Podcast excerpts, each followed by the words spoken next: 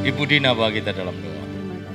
Haleluya Yesus. Inilah yang menjadi pengakuan kami Haleluya. Tuhan bahwa Engkaulah. Tuhan dan Allah Amin. kami yang layak kami puji, yang layak kami sembah. Biarlah setiap pujian dan penyembahan kami pagi hari ini itu boleh berkenan di hadapan-Mu, boleh menyenangkan hatimu Tuhan. Dan kalau sebentar tiba saatnya bagi kami untuk mendengarkan sebagian dari Amin. firman-Mu.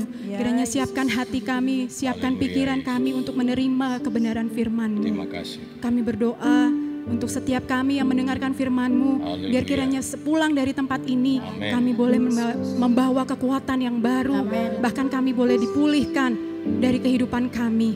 Terima kasih Tuhan, kami siap mendengarkan kebenaran firman-Mu, memberkati hamba-Mu yang akan menyampaikannya, biar kiranya urapan dari Allah bekerja atas diri hamba-Mu. Hanya di dalam nama Tuhan Yesus Kristus kami telah berdoa. Haleluya. Amin. Amin. Puji Tuhan. Silakan duduk. Selamat pagi. Selamat kita boleh kembali bertemu dalam kasih Tuhan Kristus. Bapak Ibu sudah diberkati pada pagi yang indah ini. Amin. Puji Tuhan ya. Proses vaksinasi terus berjalan. Saya melihat beberapa jemaat di tempat ini yang sudah lansia memang ini diutamakan dalam periode yang pertama ini lansia-lansia ya. Sudah mulai divaksin ya. Jangan takut divaksin nikmatin saja ya walaupun vaksin ini hanya berjalan eh, bertahan selama satu tahun ya. Cuma memang untuk mengatasi pandemi harus divaksin supaya tidak ada lagi penularan ya. Berdoa terus untuk bangsa dan negara kita para pemimpin negara kita yang terus mengatasi tetapi jangan lupa tetap jaga protokol kesehatan ya. Beberapa wadah sudah mulai saya izinkan untuk ibadah tetapi masih dalam kategori usia yang memang diperkenankan ya. Sekolah minggu untuk usia yang sudah diperkenankan jadi kelas 6, 1 dan 2 ya sudah mulai ibadah pemuda kemarin sudah mulai ibadah hari ini eh, hari ini remaja sudah mulai ibadah tetapi tetap saya ingatkan protokol kesehatan. Ya jangan sampai ada klaster baru tetap menjaga protokol kesehatan. Puji Tuhan. Firman Tuhan pada pagi yang indah ini ber- berbicara tentang temanya adalah berjalan dalam kebenaran. Ya, berjalan dalam kebenaran. Beberapa kali saya sudah sampaikan eh, standar kita sebagai orang Kristen itu hidup dalam kebenaran. Benar, bukan baik. Baik itu bersifat etis. Nah, etis ini tidak absolut. Artinya begini, etisnya orang Jawa belum tentu itu etisnya orang Papua. Betul Saudara ya? Saudara ke Papua di pendalaman pakai koteka.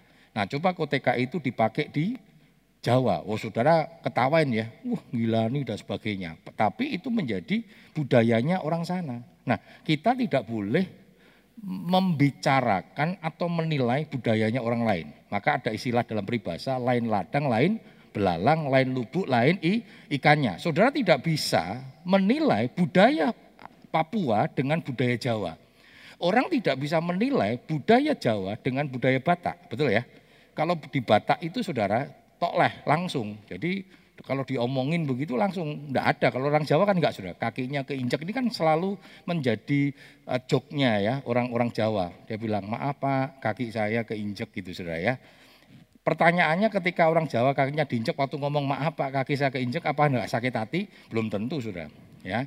Tapi ke orang Batak sudah kakinya mata lu di mana katanya? Lihat di kaki saya diinjek. Pertanyaannya waktu ngomong begitu apakah dia sakit hati? Belum tentu juga sudah ya. Jadi ini budaya, itu etis tidak absolut. Makanya kita tidak bisa menilai yang namanya baiknya orang Jawa dengan baiknya orang Papua. Tapi kalau benar, itu absolut. Benarnya orang Jawa, benarnya orang apa? Papua. Benarnya orang Indonesia menjadi benarnya orang Amerika.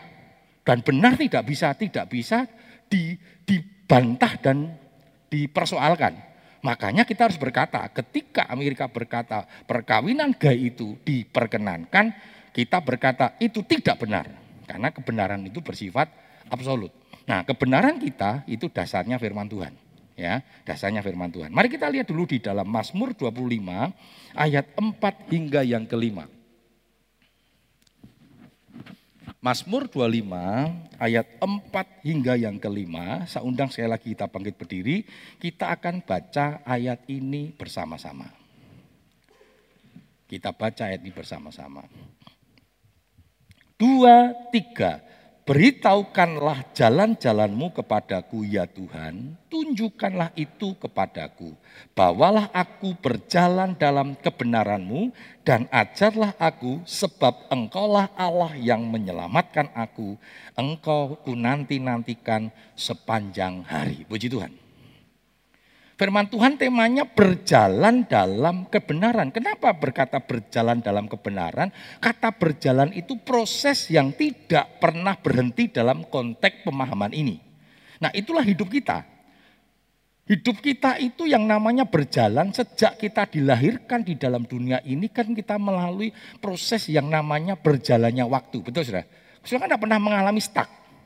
Sudah nggak pernah mengalami stuck ya?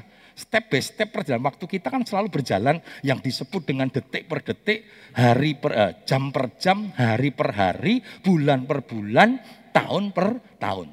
Makanya firman Tuhan katakan dalam Mazmur 90, ajar kami menghitung hari-hari supaya kami beroleh hati yang bijak bijaksana. Kata bijaksana ini artinya bisa hari-hari yang kita kerjakan itu tidak hidup dalam kebenaran sehingga kita mengalami konsekuensi dari hidup yang tidak benar itu adalah hidup yang mengecewakan, hidup yang hancur.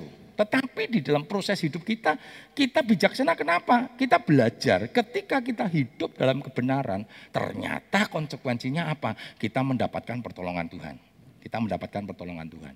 Makanya berjalan dalam kebenaran itu artinya dalam proses kontinuitas kita melewati hari-hari ini, perjalanan waktu kita, ya kita harus terus dalam kebenaran. Bukan hari ini berjalan kebenaran, besok tidak. Ya, besok lagi tidak, tetapi dalam proses kita berjalan itu kita harus hidup dalam kebenaran. Dan firman Tuhan ingatkan kepada kita, ya bahwa kita harus belajar. Ya, kita belajar dari mana sudah?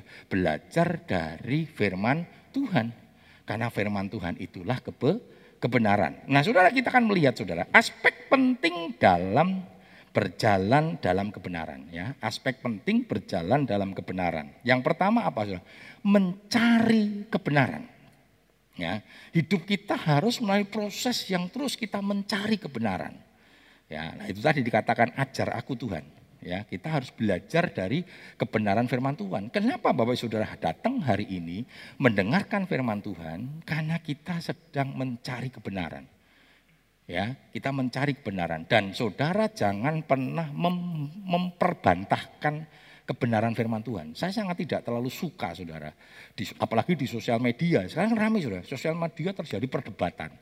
Bahkan pernah di beberapa bulan yang lalu secara terbuka diumumkan saudara silakan tonton akan terjadi debat terbuka antara eh, apa nama teologi ini dengan teologi ini. Podo wong Kristen ini berdebat saudara. Apa sih yang mungkin mau kita perdebatkan?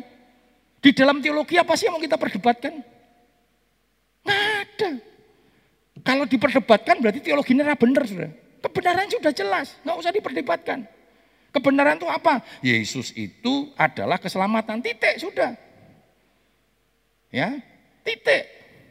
Nggak usah aksesoris-aksesorisnya. Contohnya, wong Pak Pantekosta aku nek nyanyi nganggo tepuk tangan, wong Protestan nek nyanyi orang nganggo tepuk tangan, ya nggak usah diperdebatkan. Yang mau tepuk tangan monggo ning Pantekosta, saudara merasa tepuk tangan iki ora ora seneng, ora tidak nikmat, tidak tidak apa, tidak sakral, monggo saudara cari yang tidak tepuk tangan, gitu sudah. Sederhana saja. Ya, itu nggak perlu diperdebatkan itu warna yang dapat kita berikan kepada Tuhan, ekspresi kita untuk kita menyembah Tuhan. Orang Pantekosta nek kon nyembah nyanyi tok saudara, ora tepuk tangan gitu saudara ya. Wah pasti rasanya ora kok ura-urapan saudara ya. Nah saudara nggak usah ngata-ngatain orang yang ibadahnya orang gue tepuk tangan. Sama orang yang tepuk ora tepuk tangan datang ke Pantekosta, wong Pantekostai uraan saudara ya. Padahal kita bilangnya urapan. Ya, sudah saya bilang urapan. Oh, tanda tahu. Belum tahu kalau ibadahnya pemuda sudah. Ayo loncat dan sebagainya. Waduh. Nah itu warna. Dan hebatnya kita punya Tuhan yang dahsyat saudara. Warna apa pun ketika mereka menyembah Tuhan. Ya Tuhan terima. Karena nanti kalau kita lihat firman Tuhan katakan ya. Waktu mereka menyembah Tuhan dikatakan apa? Mereka angkat tangan. Mereka tersungkur. Bahkan ada yang berdiam diri di hadapan Tuhan. Nah itu dahsyatnya Tuhan saudara. Ya, mari kita sama-sama melihat di dalam Matius 5 ayat yang ke-6. Matius 5 ayat yang ke-6. Berbahagialah orang yang lapar dan haus akan kebenaran, karena mereka akan dipuaskan. Perhatikan saudara, dikatakan berbahagia orang yang lapar dan haus akan kebenaran. Orang Bapak Ibu Saudara kalau lapar sama haus apa yang Bapak Ibu Saudara lakukan? Cari makan, cari minum, betul ya Saudara ya? Kan tidak bisa Saudara, aku lapar, aku haus, menengtok Saudara, neng kini tok, aku lapar, aku haus. Ya sudah nggak dapat apa-apa Saudara. Saudara cari kan? Cari Saudara. Cari ke dapur, ya ketemu ndok digoreng kan gitu sudah ya gulai neng dapur ketemu jangan asem ya digoreng oh digoreng nggak perlu sudah jangan asem digoreng sudah ya saudara pergi ke Karanglo ya saudara eh Karanglo sudah eh beringin sudah ya nah, saya kalau pergi ke arah-arah sana saudara sama teman-teman sampai terkenal ya Wes, udah tahu mereka udah tahu ya mampir beringin pangan ya, makan dulu sudah banyak putri ya saudara ya nah setelah itu kurang ajar mereka saya ajak tak bayarin, engkau somben mangan dewi saudara. Saya nggak pernah diajak saudara. Waktu itu mangan dewi saudara. Wah gulene enak. Terus bilang, Pak, ya aku aku tekan gon beringin katanya, gon cematmu. Lah ngapain? Mangan gule. Kurang ajar saya bilang, nek mangkat saya sing bayarin. Ya begitu mangan mangkat dewi, saya tahu diajak saudara. Ya tapi nggak apa-apa saudara. Mempromosikan ya, mempromosikan apa namanya warungnya jemaat saudara. Dan banyak yang sudah nyambung bu ya berapa yang nyambung sudah ya, puji Tuhan. Nah saudara, kalau saudara lapar haus, cari. Nah dikatakan orang yang lapar dan haus akan kebenaran, dia akan mencari kebenaran itu. Dia akan mencari kebenaran. Ingat ya, kebenaran firman Tuhan. Bukan kebenaran pribadi. Berapa banyak saudara, saudara pengen ngerti kebenaran tetapi ketika kebenaran itu disampaikan, saudara nggak mau terima, nggak bisa. Kebenaran jangan diperbantahkan. Apalagi kebenaran itu sudah tersurat. Memang yang sering kali diperbantahkan kan yang tersirat-tersirat ya. Tidak semua Alkitab ini kan tersurat. Tersirat. Nah sering kali itu menjadi per, perbantahan. Jangan. Kalau firman Tuhan sudah ngomong bersina itu dosa, ya ojo bersina. Rasa yo golek kebenaran. Lah om ini om, oh, nyong bojoku ngene, nyonyaku ngene, reso ngelayani aku dengan baik. Oh itu tidak bisa sudah. Itu bukan kebenaran. Itu pembenaran. Sudah ingat ya, kebenaran bertentangan dengan pembenaran. Yang bisa membenarkan kita. Pembenaran itu datangnya dari Tuhan. Kita orang berdosa. Ya, kita orang berdosa. Kita dibenarkan oleh Tuhan. Kalau sudah membenarkan diri pertanyaannya, apakah kebenaran saudara? Kita bukan orang benar. Roma 3.23 dikatakan, semua manusia telah kehilangan kemuliaan Allah, semua manusia sudah berbuat dosa. Tidak ada yang benar. Orang benar kok memang membenarkan. Nah kita ini perlu dibenarkan. Bukan kita membenarkan. Tuhan membenarkan kita. Karena itu hiduplah dalam kebenaran. Salah. Berapa banyak kita sering kali mencoba membenarkan diri? Berapa banyak? Tahu bahwa itu firman Tuhan melarang kita. Tahu firman Tuhan berkata jangan. Tapi berapa banyak kita membenarkan diri? Nah saudara, perhatikan saudara. Sumber kebenaran kita apa? Tuhan Yesus. Sebab Yesus adalah kebenaran. Yohanes 14 ayat 6 sampai 7.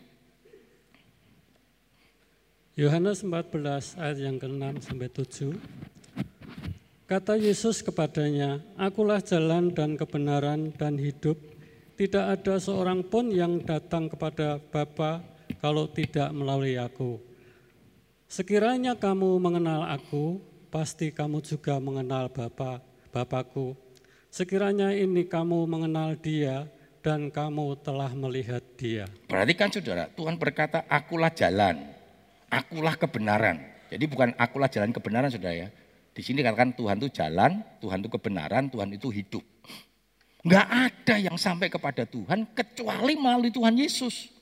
Enggak bisa sampai ke surga kalau eh, kecuali melalui Tuhan Yesus Kristus. Ini firman.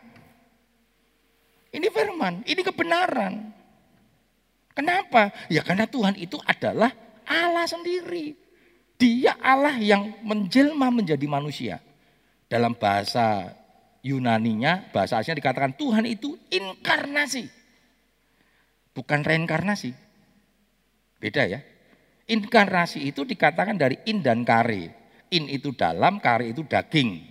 Artinya Allah yang tidak dibatasi oleh ruang dan waktu, Allah itu tidak berwujud dalam daging, dia menjadi daging di dalam kehidupan manusia. Maksudnya itulah yang dikatakan menjelma menjadi manusia. Dalam bahasa Jawa na, a, a, a, apa a, namanya ngejowantah. Tahu sudah yang ngejowantah dewa yang ngejowantah siapa sudah Semar kan kita udah kenal sudah ya. banyak dewa-dewa yang ngejowantah sudah Semar itu wow itu dewa yang hebat Punokawan itu dewa saudara ya kok ngerti wah saya hidup dari keluarga yang seneng apa namanya cerita-cerita perwayangan sudah ya. mama saya itu apa sekali uh, om saya ya adik mama saya itu penari wayang orang Sriwedari sudah ya jadi dulu kami nonton, sering kali nonton. Era-era saya sudah ya. Karena nenek saya itu jualan, kalau ada Paleman Sriwedari, jualan jualan warung makan, namanya warung makan remaja. Pemain wayang orangnya itu sering kali makan di nenek saya. Dan kak, uh, kak, uh, om saya itu pemain wayangnya sana, saudara. Yang hijau wantah. Tuhan itu menjelma menjadi manusia. Dia adalah Tuhan. Ya, dia adalah Tuhan. Dan hanya Tuhan Yesus yang berani berkata, aku akan pulang ke surga untuk menyediakan. Belum ada saudara, ada nggak tokoh yang berani berkata, aku sedang ke sana itu sedang menyediakan tempat untuk kita. Makanya kalau saudara ada yang sudah pulang duluan, berarti tempat tewes bar, sudah siap. Ojo semeng ini Tuhan, tempat saya disuwek-suwek kira apa-apa Tuhan. Wis ora usah diborongke cepet lah. Ya, nek biasa tukange orang puluh gen cepet, saya satu, hei rapopo saudara. Oh, kecuali malah ketinggalan saudara. Ndak usah ngurusi waktunya Tuhan, karena waktu Tuhan waktu yang terbaik. Amin. Ojo wedi mati, karena mati itu bagi orang percaya adalah anugerah. Haleluya. Oh, saudara, haleluya. Kita doakan siapa yang cepat saudara. Loh ini firman Tuhan loh sudah. Ini kebenaran loh, kebenaran kok dipahit tuh. Makanya kita sebagai anak Tuhan harus punya keyakinan dulu. Ya, punya keyakinan dulu. Nah saudara kita melihat yang kedua. Aspek penting berjalan dalam kebenaran apa saudara? Hidup dalam kebenaran. Kebenaran itu bukan hanya dicari. Kebenaran itu bukan hanya dibicarakan. Tetapi kebenaran itu harus dilakukan. Berapa banyak orang seneng bicara kebenaran, bicara tok. Ini uripe ora bener, ngapain sudah? Ada orang jago menyampaikan firman, tapi tidak hidup dalam kebenaran, tidak hidup dalam firman itu. Mari kita sama-sama melihat dulu dalam uh, uh, Filipi 4 ayat yang ke-8. Hidup dalam kebenaran berarti berpikir kebenaran. Filipi 4 ayat yang ke-8.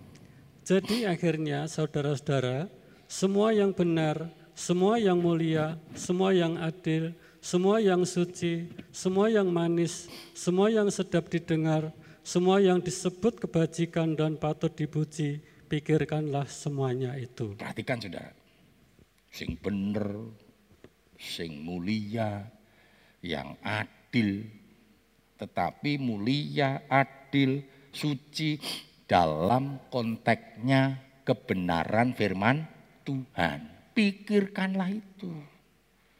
Suci dalam konteks kebenaran manusia bisa berbeda. Saudara mengenal cerita Hosea. Hosea itu suruh menikah dengan siapa saudara? Dengan Gomer. Gomer itu wanita sundal. Pelacur.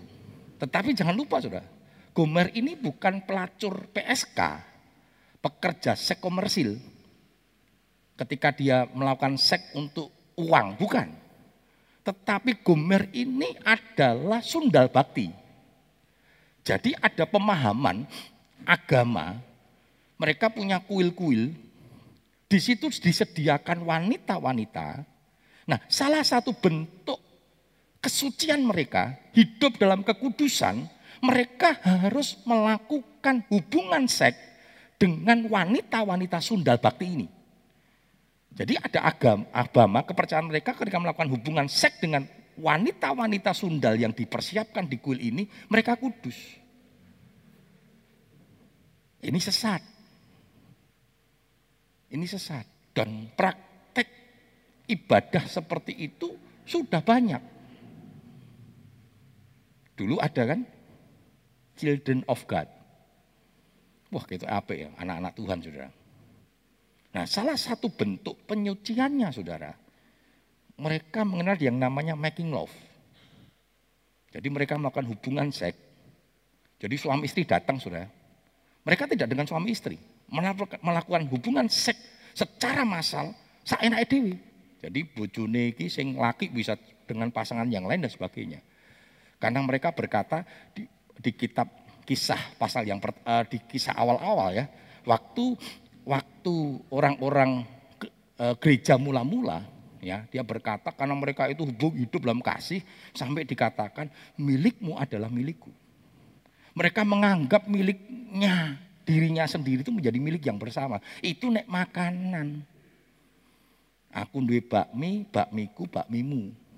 Nek bucu ya ora, Saudara. Tetapi itu ditafsirkan istrimu adalah istriku dan itu kudus. Nah, ini kan kacau. Karena itu kebenaran kekudusan harus konsepnya konsep firman Tuhan. Keadilannya juga konsep firman Tuhan. Adil bukan berarti dibagi roto. Adil itu seperti talenta. Ada yang dapat lima, ada yang dapat dua, ada yang dapat satu. Itu adil. Kenapa? Karena Tuhan berkata, kenapa dapat lima, dua, satu itu sesuai dengan kesanggupan. Itu keadilannya Tuhan. Saudara melayani dengan sungguh-sungguh. Terus, maka sudah kan ditambahkan oleh Tuhan kepercayaan itu. Nenek sele dalete. Ya sudah tidak akan pernah mendapatkan kepercayaan dari Tuhan. Itu yang namanya keadilan. Nah saudara, karena itu coba kita berpikir benar. Berapa banyak sering kita marah sama Tuhan karena kita nggak pernah berpikir benar. Benar dalam konteks kebenaran firman Tuhan, bukan kebenaran pikiran kita sendiri. Ingat ya, saudara, seperti yang saya sampaikan di awal tadi, Jangan mencoba membenarkan karena saudara nggak benar. Pembenaran itu harus datang dari kebenaran yang absolut. Amin. Nangkap maksud saya? Nah, saudara nggak benar, bagaimana mau membenarkan? Mau kita dewi ora benar, sudah. Pembenaran itu datangnya dari sang kebenaran. Nah, karena itu artinya kita tidak boleh membenarkan diri. Pembenaran kita harus konteksnya dasarnya firman Tuhan. Pembenaran kita harus konteksnya firman Tuhan. Yang kedua, hidup dalam kebenaran, berpikir kebenaran. Yang kedua, berkata kebenaran. Efesus 4 ayat 25. Efesus 4 ayat yang ke-25. Karena itu buanglah dusta dan berkatalah benar seorang kepada yang lain. Karena kita adalah sesama anggota. Perhatikan saudara, buanglah dusta, berkata benar. Kita harus belajar berkata kebenaran. Benar. Tidak usah dusta. Sekarang rame, dusta itu kan identik dengan hoak. Betul ya, hoak itu kan dusta. Orang benar. Tetapi sampai ada tokoh politik berkata gini, hoak itu kalau terus menerus, terus menerus, terus menerus disampaikan menjadi kebe, kebenaran. Kebenarannya siapa? Kebenarannya menungso, bukan kebenarannya Tuhan. Dan jangan takut saudara. Kalau sudah benar, sudah di, di, tidak dibenarkan, jangan takut. Karena kebenaran Tuhan akan mengalahkan ketidakbenaran. Sudah pegang itu sudah. Berapa banyak kita sering kali takut? Nggak usah wedi. Nek saudara benar, kalau saudara memang hidupnya dalam kebenaran, jangan takut dengan ketidakbenaran. Berapa banyak akhirnya kita takut, akhirnya kita bertoleransi dengan ketidakbenaran. Pertahankan kebenaran itu. Saya belajar untuk itu. Kalau itu kebenaran saudara. Makanya banyak teman-teman hamba Tuhan, GPD apa namanya di teman-teman MD lagi, wah sudah kalau saya pokoknya prinsipnya GPD apa namanya kita ini melangkahkan dasarnya firman Tuhan satu. Kedua aturan. Aturan itu bicara anggaran dasar. Yang kedua ada yang namanya perda. Kita punya perda, peraturan daerah. Yang ketiga kita punya job disk. Job disk itu rancangan kerja. Aturannya di situ saja. Dan saya pakem di situ. Saya sudah katakan kalau itu melanggar, ya saya bilang ini loh, anggaran dasarnya bilang tek, tek, tek, tek, tek, tek. Ini loh perdanya begini, tek, tek, tek, tek. Kita harus berani sudah. Apalagi kalau sudah bicara firman tuh Tuhan. Lempeng terhadap kebenaran firman Tuhan. Yang ketiga, hidup dalam kebenaran tadi berpikir kebenaran, berkata kebenaran. Yang ketiga, bertindak kebenaran. Ya, coba kita lihat dalam Matius 5 37. Matius 5 ayat yang ke-37. Jika iya hendak kamu katakan iya, jika tidak hendaklah kamu katakan tidak. Apa yang lebih daripada itu berasal dari si jahat. Berarti kan sudah, inilah menjadi dasar kenapa orang Kristen tidak boleh bersumpah. Ya kan? Di pelantikan-pelantikan orang Kristen tidak bersumpah. Ya, makanya biasa kalau dilantik DPR apa pun dikatakan mereka bacakan ya. Ya, yuk yang agama-agama selain Kristen saya bersumpah. Untuk yang Kristen saya berjanji. Kenapa? Orang Kristen nggak perlu bersumpah. Apa sih kepentingan bersumpah? Untuk meyakinkan kan? Sumpah aku, aku orang laku ke, sumpah aku. Aku wani disumpah, kan gitu kan sudah. Tujuannya apa? Meyakinkan. Uang Kristen nggak usah meyakinkan. Kalau iya katakan ya, kalau tidak ya tidak. Apa kamu melakukan tidak? Selesai. Sumpah. Aku sumpah pocong. Apa sumpah pocong? Nggak ada saudara. Rasa dipocong-pocong, pocong itu nanti. Wong nanti ora dipocong dewi. Nggak usah saudara. Kenapa? Karena orang Kristen tidak perlu bersumpah. Kenapa? Karena kita memang kalau ya ya katakan ya, tidak katakan tidak. Rasa yakin yakin ke. Apalagi saudara kalau sering nggak sumpah. Orang-orang, aku sumpah, wani sumpah aku. Eh, saudara. Berarti ngomong ngono ora bener malan. Nggak usah sudah. Tidak. Tenang yuk. Tidak selesai. Kalau ya ya, tidak tidak. Itu udah benar sudah. Dasarnya kebenaran. Ya, jadi orang Kristen nggak usah bersumpah-bersumpah, saudara. Karena orang Kristen memang hidup dalam kebenaran. Ya, jadi yang pertama mencari kebenaran, yang kedua aspek kedua adalah hidup dalam kebenaran. Hidup dalam kebenaran itu mikir benar, berkata benar. Yang ketiga hidup dalam kebenaran. Artinya ya sudah, dasar kita firman, jangan takut. Kalau saudara hidupnya dasarnya firman, nggak usah takut saudara. Orang yang hidupnya takut karena hidupnya enggak, tidak dalam kebenaran. Betul nggak saudara? Begitu sudah kerja, orang bener, peti. Wedi. Sebab naik numpak motor, orang bener kan wedi. Orang go sim, orang go helm kan wedi ya. Ono polisi tatap saudara ya, stres saudara. Lah karena itu bener loh. Lah oh balik sepeda motor meneh. Lah kita ini masalah orang bener.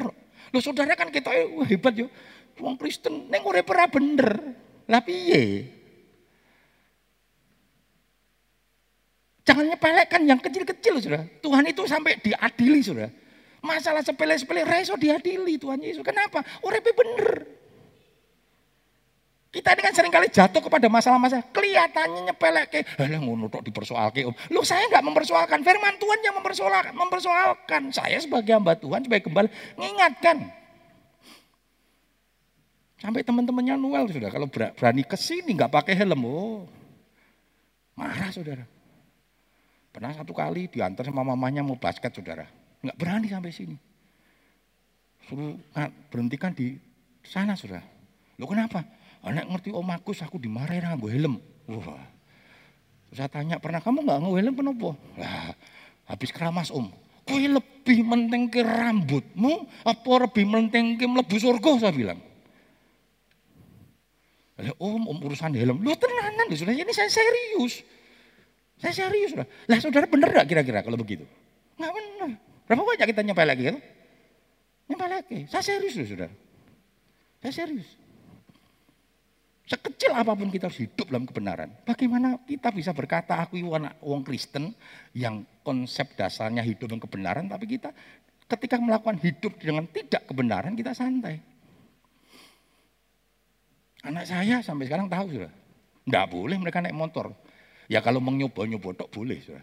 Tapi artinya tidak naik motor sebelum 17 tahun. Artinya apa? Untuk helm. Eh, untuk helm. untuk SIM. Helm. Helm punya saudara ya. Untuk SIM. Pokoknya begitu 17 tahun, saya langsung hari itu juga tak kon cari SIM, carikan KTP. Karena saya juga naik motor, walaupun mama saya kasih, saya nggak mau. Dulu kan modelnya bisa nembak, betul ya? SIM nembak. Loh, saudara begitu nembak, usia saya tahun 68, tak gawe 66, dosa seumur hidup saya. Betul nggak? SIM itu nggak pernah diubah loh, betul nggak? Kita kan sederhana. Lah sebenarnya anak kita muncul, lebih kok di sini 66. Papi kan 68. Shh, jangan ngomong-ngomong. Apalagi saya jadi pendeta mana saudara. Ya ampun. Jangan mau saudara. Saya ngontel terus saudara. Motor sudah ada, ngontel. Begitu 17 tahun, saya dapat KTP, saya ujian SIM, dan modelnya ujian saudara, tes. Makanya saya pernah ketangkep saudara, saya marah sama polisinya. Sebenarnya bukan ketangkep karena saya salah saudara. Katanya ini sudah abang, padahal saya tahu itu hijau. Ya saya berani kalau saya nggak akan takut. Dia bilang, Kowe mesti sime tuku. Oh, saya tantang sudah. Cek saya ke apa namanya ke kepolisian. Apakah saya beli? Tes pak, saya bilang. Nggak ada beli tes. Sehingga saya bangga saudara. SIM saya ini hasil tes saudara. Mari kita jalan dalam hidup kebenaran. Kenapa? Saya waktu itu rasa sadar sudah. Nek saya mau jadi pendeta. Tapi saya bersyukur sudah. Coba nek saya dulu modelnya yang merosal sudah. Ya enggak apa-apa bang firman Tuhan ngomong dosamu diampuni gitu ya sudah ya. Diampuni. Sehingga saya berani ngajar ke anak saya. Enggak boleh. Naik motor boleh ya anak saya di Yusuf kelas SD itu sudah lebih kentul daripada Noah sudah bisa naik motor ya dia ribut terus ini memang belajar mobil juga ya. Noah sudah bisa sudah ya. Tapi dia masih artinya kecil. Dia yang lebih nekat sudah kita ajar sih belum. Nanti 16 16 ah, ajar dulu. Ya kan? Nah, kan sekarang bisa ajar wengi-wengi papi agak turun, gue nyekel mobil dewi metu kan repot saudara. Ya naik motor kadang pih ke ini boleh. Karena itu kan tidak tahu jauh ya. Hanya nyoba-nyoba aja, nyoba-nyoba di lapangan boleh. Tetapi bukan berarti setiap setiap saat dia bisa naik motor. Saudara, mari kita dalam kebenaran. Yang ketiga aspek yang penting. Ketiga apa? Memberitakan kebenaran. Mencari, lalu hidup dalam kebenaran. Kalau kita sudah hidup dalam kebenaran, ayo beritakan kebenaran.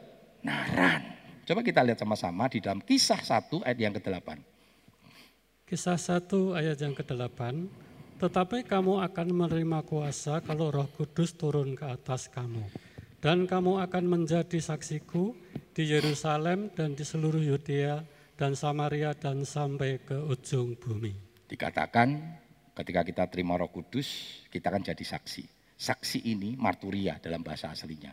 Nah itu memiliki tiga aspek. Yang pertama bersaksi seperti di depan persidangan, saudara. Jadi kalau ada persidangan, kita harus menyampaikan kebenaran. Karena itu kalau sampai kita di persidangan ditanya jadi saksi kita bersaksi palsu, bersaksi dusta, diancam saudara. Ya, diancam. Hukumannya 8 tahun. Nah itu itu. Yang kedua, bersaksi ini adalah menyampaikan kebenaran, menyampaikan firman. Dan yang ketiga, Bersaksi itu artinya hidup dalam kebenaran. Mari kita sampaikan kebenaran. Kebenaran firman Tuhan. Biar kebenaran ini diterima oleh semua orang. Saudara dan saya sudah menerima kebenaran, sudah dibenarkan, menerima kebenaran, dan hidup dalam kebenaran. Karena itu beritakan tentang kebenaran. Supaya orang-orang yang hidupnya tidak benar, mereka juga dibenarkan seperti kita. Nah, ketika kita sudah dibenarkan, hiduplah dalam kebenaran. Hiduplah dalam kebenaran. Karena kebenaran itulah yang menyelamatkan hidup kita. Puji Tuhan, firman Tuhan tidak saya panjang lebarkan, kita sudah belajar tentang berjalan dalam kebenaran. Mari kita bangkit beri bersama-sama. Hidupku menggenapi firman-Mu. Mari kita hidup menggenapi firman Tuhan. Firman Tuhan adalah kebenaran. Karena itu kita mau genapi kebenaran. Dan biarlah kebenaran itu ada dalam hidup kita. Kebenaran itu menguasai hidup kita. Terima kasih Tuhan. Hambamu sudah berhenti berbicara pada saat ini untuk menyampaikan firman-Mu. Namun kami yakin firman-Mu itu hidup, firman-Mu itu akan bekerja di dalam setiap umat-Mu. Biarlah Engkau kerjakan firman-Mu Tuhan di dalam setiap kehidupan kami umat-umat-Mu. Biar kami semua bisa menjalani kebenaran-kebenaran yang berasal daripada firman-Mu. Itu akan membawa kehidupan kami untuk menerima kehidupan kekal nanti. Bapa, terima kasih Tuhan. Berkati setiap umatmu pagi hari ini yang sudah mendengarkan firman-Mu. Jangan ada di antara satu pun yang pulang dari tempat ini dengan hati yang kosong. Tetapi lewat kebenaran firman-Mu bisa menerima firman-Mu itu tertanam dalam hatinya sehingga dapat hidup bertumbuh bahkan sampai berbuah-buah sebagaimana Tuhan kehendaki. Terima kasih Tuhan, terima kasih. berkati hambamu yang sudah menyampaikan kebenaran firman-Mu. Tambah-tambahkan hikmat Tuhan, biar hambamu tetap menjadi pelayan-pelayan firman Tuhan.